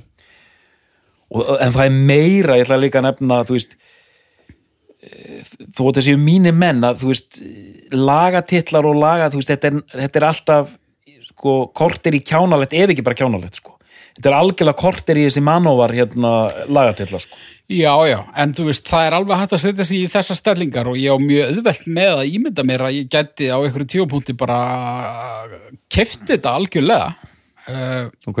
uh, þú veist, þessi hljómsveit á köplum kallar fram mjög sterkar neikvæðar tilfinningar hjá mér -hmm. Og það hefur nú mjög oft í gegnum tíðina verið undanfarið einhvers konar ofurfílunar ég veit ekki hvort það mun gerast þarna og ég er, ég er ekki að reyna að milda höggin sem ég mun frá frá Þú ert að reyna það. ditta dauða eða hvað hann heitir Djöfladóra Djöfladóra en, en ég, ég, er, ég, er alveg að tala frá hjartanu sko. þetta geti fallið hvort megin sem er í rauninni Ok. ég er bara, ég er ekkit viss um að ég hafi tíman í það að sökka mig meira onni í þetta. En sko, þa- það er ekkert loku fyrir það skotið að sko Icon, Draconian Times og þessi 2015 plata að þær fari á fónin hjá mér aftur. Ok. En til þess, sko, ástæðan fyrir þetta hittir mig svona vel er að ég hef smekk fyrir þessu pjúr. Ég held þú væri með eitthvað bytt af því að ég hef fáaðan smekk. Ég þú væri að fara nei, ég, ég, hef, ég hef ekki fáið smekk, það er staðfest sko. hérna, ég hef svona smekk fyrir þessu pjúra gothic stöfi eins og bara Cure og Sisters of Mercy. Bara, mér finnst þetta cool, bara ég bara gleipið þetta alveg sko. Þannig að þegar ég horfi á umslægið á Draconian Times og heyri þessa lagatitla, þá er ég bara ég er að fíla þetta bara alveg í bótt sko. ég er bara 16 ára alltaf gagvart svona sko. já, já. og hérna og þeir gera þetta einhvern veginn svo algjörlega í botn að það þetta er svo pjúr hjá þeim sko þetta hefur áhrif á þeim, þetta er Lacuna Coil og, og hérna all, allar þessar hljómsætti sem, sem fara algjörlega í þennan pjúra goth metal pakka einhvern veginn sko. líka bara þennan setni tíma þú veist eh, þessar Eurotrass uh, Nightwish Já. af, afleiður. Algjörlega sko, þú veist, þú veist nætvis umslögin og allt þetta sko. Þetta er bara svona alla leið með þetta dæmi sko. Og hérna en sko ég er mjög ánægð með að þú nefndir þetta með cool sko, þannig að ég var uh, uh, ég hefði skautað yfir það, þannig að mér finnst þetta cool og út af því mér finnst þetta cool á eitthvað hátt mm -hmm. minnst það líka pirrandi en mér finnst þetta cool og minnst pirrandi að mér finnst þetta ekki jafn skemmtilegt og mér finnst þetta cool Já, hvað finnst það cool? svona goth metal. Já, þú veist Já, þú veist, mér finn, ég fíla þessu umslög. Ég hef ekki mikið velt fyrir mér einhverjum lagatillum en þegar þú segir það. Já, já, en þú veist, þe þessi bara dölúð og þú veist, þetta er svo mikil þetta er svo mikið leikhús. Já, mikið leikhús. Mm -hmm. ætlar ekki að segja orðið mitt? Uh, teater, jú, þetta er töluvert teater nefnilega. Uh, og ég man svo ég komi bara enn, eina ferðin að því ég, ég held að fyrsta platan sem ég heyrðið var hann að Draconian Time sem ég tekkaði á bara þegar hún var ný og mér fannst hún ömulega leiðileg. Já, já, og þá voru vombrið vegna þess að mér langaði svo að fíla þetta vegna þess að mér fannst þetta cool. Umslægið lagatillarnir, já, bara, bara, wow. myndir af þessum gaurum, ég var bara ok, þetta eru cool gaurar. Já, ég Þannig að- já, Já, þannig að ég fekk ekki ég fekk ekki þetta hérna, sem að ég vonaðist til að fá sko. allavega ekki þá en hérna, svo kem ég að þeirri plötu í þessari yfirferð Mhm. og þá allt í henni er hún orðin ekkur svona vin í eðmörkinni Já. en hérna, já þetta er merkilegt merkilegt, merkilegu fjári Það verður líka mjög merkilegt að sjá hvernig umræðahópurum brestu þessum þetti. já Ég þetta, gerir mér enga grein fyrir því. nei, nei, þetta, þetta verður mjög spennandi Mm og vonandi vonandi sko Ætla að verði mín síðustu jól Já, þú drífur fram að jólum. þetta er hann, eh, Djöfladóri, þetta er hann Haldur Geirsson hann hefur komið svona í eldfjalla hérna, fréttum bara stundum Já, hann er með Já, beina tengingunir í helviti. Það er engin jarðfræðingur uh, hérna á sens í mig í einhverjum barda og ég er ekki Hann áttur að, veistu hvað hann áttur að segja þig? ég er ekki Fara út á bardaðamaður Reykjanes og statu í nokkur undur ár. Ég vissum að þú liða það. Sko þeir koma og eldaði Siggi Majónes og Maggi Kjötbolla og Djöfladóri og hérna Siggi Majó og, og, og Guðni Jackson sko, þeir koma allir bara og Ó, eru þessi menn til? Er já, já, þetta eru er allir meðlumir í þessum kópa og sko döðaróks þetta er mjög óhefilega, óhefilega nafngiftir að því ég er svo fucking svangur að ég... Siggi kjötbóla Maggi Kjötbolla, Maggi kjötbóla, akkur Hann og Siggi Majónis, Siggi Majónes. Það er máltíð, sko. ok, ég, skipt með þetta uppgjör. Ég vil fá útskýring frá öllum þessum nöfnum Þetta er allt upprunnið hann í, í, í kópáðinu sko. ég, ég kann ekki alveg deila á því að akkur þetta var svona sko. shit, Það ekki nokkuð, þú veist, bönda bröðsniða því að þá erum við bara komið samlokur sem langar hryllili. Ég, get, ég, okay, ég, ég, ætla, ég ætla að segja ykkur eina svo hérna, það er bara alveg séns á Maggi kjötbóla búi bara ská á móti mér skilur Næs. Gunni Jackson hérna, uh, Jackson, maður borða það ekki. Gunni Jackson er Gunnar Reynir Valþórsson fréttamaður já, já, já. og hann stendur einhvern tímann í vídeolegu með honum Átna Sveins og það er einhver svona umræða og Gunni segir svona að þetta er fárálegt að vera að velja sér einhver svona nöfn þetta er bara eins og ég myndi bara allt í hennu bara ég væri bara allt í hennu Gunni Jackson og nafnins festist, festist við hann eftir það sko. Jöp. Já, ég vil nú ekki fá, ég vil nú ekki fá Gunnar upp á móti mér, sko.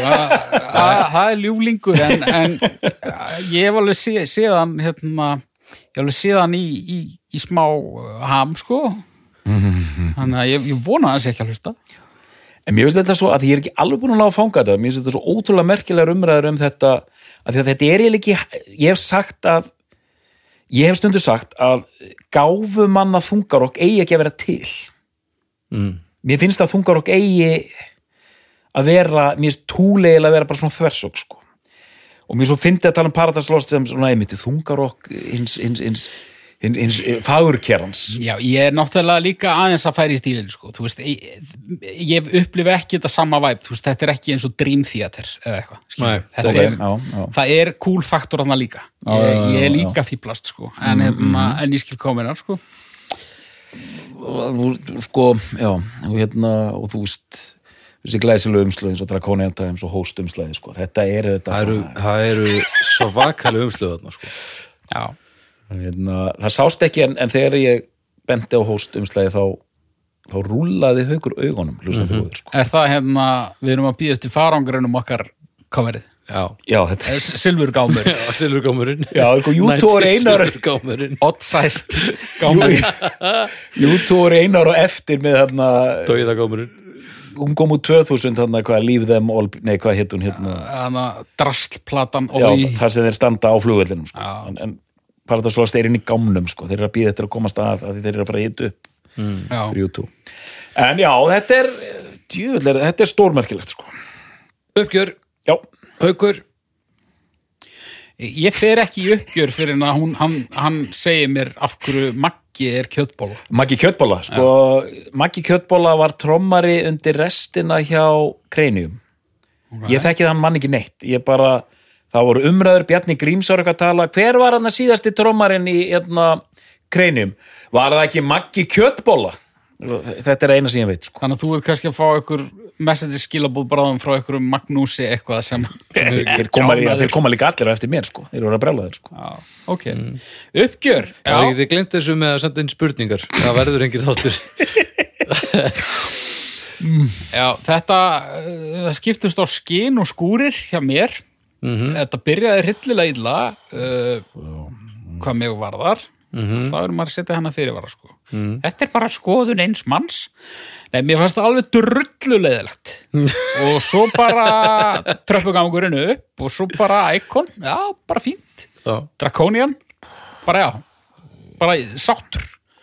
Svo kom hann að þryggja plötu. Bara falleri já, já, nákvæmlega það maður bara lendi á slöngu. Já, og, og fóra niður á já. og, og svo bara fanservice og skemmtileg heit sko. ég hérna ég eh, ætla að halda mig við uh, Draconian Times og nefna hana sem þá bestu. Ég er ekki frá því að 2015 platan skáki Icon hvað mér var þar, en ég þyrfti að hlusta betur. Ok uh, ekki drepa mig. Doktor? Já, það þarf að leita aftur í, í, í eldgömmul arkíf hérna í bestu plötunni til að finna önnur eins og viðbröð og þegar One Second var tilkynnt sem besta plata Paradise Lost. Já, hann var ekki samfærður Nei, heldur betur ekki. Og hérna, og ég var líka pínu hissa sko, þannig að þetta var mjög skemmtilegt alvöru tónlistarklass. Varstu hissa á að þú skildir að enda þar eða hissa á viðbröðum mínum? Viðbröðum þínum Já, já, ok. Já, ég var, ég var já, ég var hissa sko, ég var, ég var nú reyndar búin að ég, var- ég var að, sannlega orðin viðbúin því að þeir eru kannski ekkit sérstaklega hrifin sko, en hérna já, það er svona pínu hissa, getur við sagt Ok. og ég var, en síðan ég enda þarna uh, uppgjör, við erum búin að fara vel yfir þetta, ég greinilega fíla Paradise Lost mjög vel, ég fíla Þú greinlega fíla leiðilega kaplan Skils mér. Já, já, ég er svona já, og ég hérna, og þessi, bottskrapið hjá mér þarna mann ekki sko, miljón, hvað heitir hún, one in a million nei, hérna life, nei, það, það er symbol of life og svo plata sem kemur út á eftir host. Hún heitir hérna uh, Látum við sjá. Já, Tub thumping. uh, Believe in nothing. Believe in Nothing sko. Believe in Nothing sem er að mínum að þetta bótskrapið er, þú veist, ég get alveg hlusta á hana og bara, já, já og, og get metið hana fyrir það sem hún er. Ég er það mikill þannig séð hérna inn í þessu sko. Okay. uh, en já er, uh, hún og, og host hérna ekki skemmtilega blötur mm. Allt annað finnst mér sko fínt og meira til uh, mjög gaman að hlusta á þetta og ótrúlega áhugavert að sjá hvernig bandið þróast og ég enda á að verðluna þarna og, og ég þarf ekki endur taka það þessa mögnuðu blötu One Second og ég er með liðsmenn hérna sem stiða við bakið á mér í því Er Hamraborgin með þér í því eða? Ég er ekki við sko, ég held að þeir væri nú örgulega meira og minna bara í Lost Paradise sko. Ok. Pl- Heitir platan One Second? já, One Second. Ah, ok, ég held að fyrsta lagi heita það. því, uh, því miður í þínu tilfelli var hún ekki One Second heldur var hún fleiri sekundur og, og, bæ, og bæði platan og fyrsta leið heita það. Ok. og ég veit ekki, það er kannski við hæfa að ég reyna að vera gáfulegur þegar við erum að tala með þetta band hérna sem við talað, hérna, þungar og hvað og kera hans að hérna mér finnst bara mjög merkilegt að þetta er besta Paradise Lost platan þó að þetta sé engan veginn þannig sé einkennandi fyrir Paradise Lost. Draconian Times væri svona Já, kannski platan sem að myndi benda fólki á að fara fyrst í til að kynna sér þetta sko. þannig að ég bara ég endaði þarna og þessi þáttur varð mun betri heldur en ég hefði nokkuð tíman geta ímynda mér sko. og spennandi tímar framöndan á umlæðuhófnum ég bara, ég, ég, og var, svo- götum Kópós ég var svo smeykur um þetta yrði í þurrara lægi en þetta var bara ótrúlegu þáttur sko. Þetta var rennandi Þannig ég, ég þakka hauki fyrir hérna kröftugar viðspyrnur og, og, og, hérna ástríðu. Já, ég, ég verð að hafa augun hjá mér þarna í, í, í kóra hverfinu, þar sem ég á heima.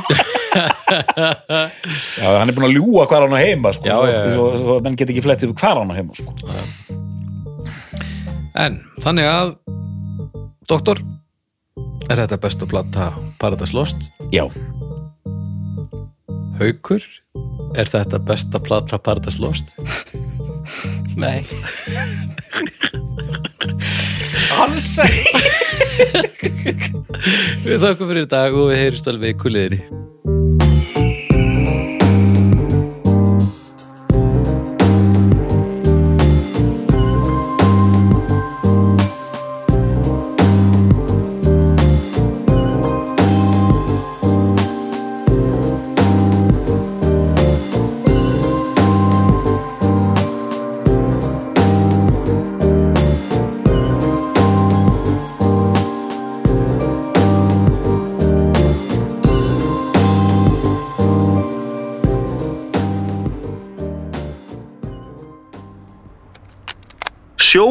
Tryggir rattirnar í höfðun á þér. Sjóvá er sérlegur bakkjarl hljóðkirkjunar.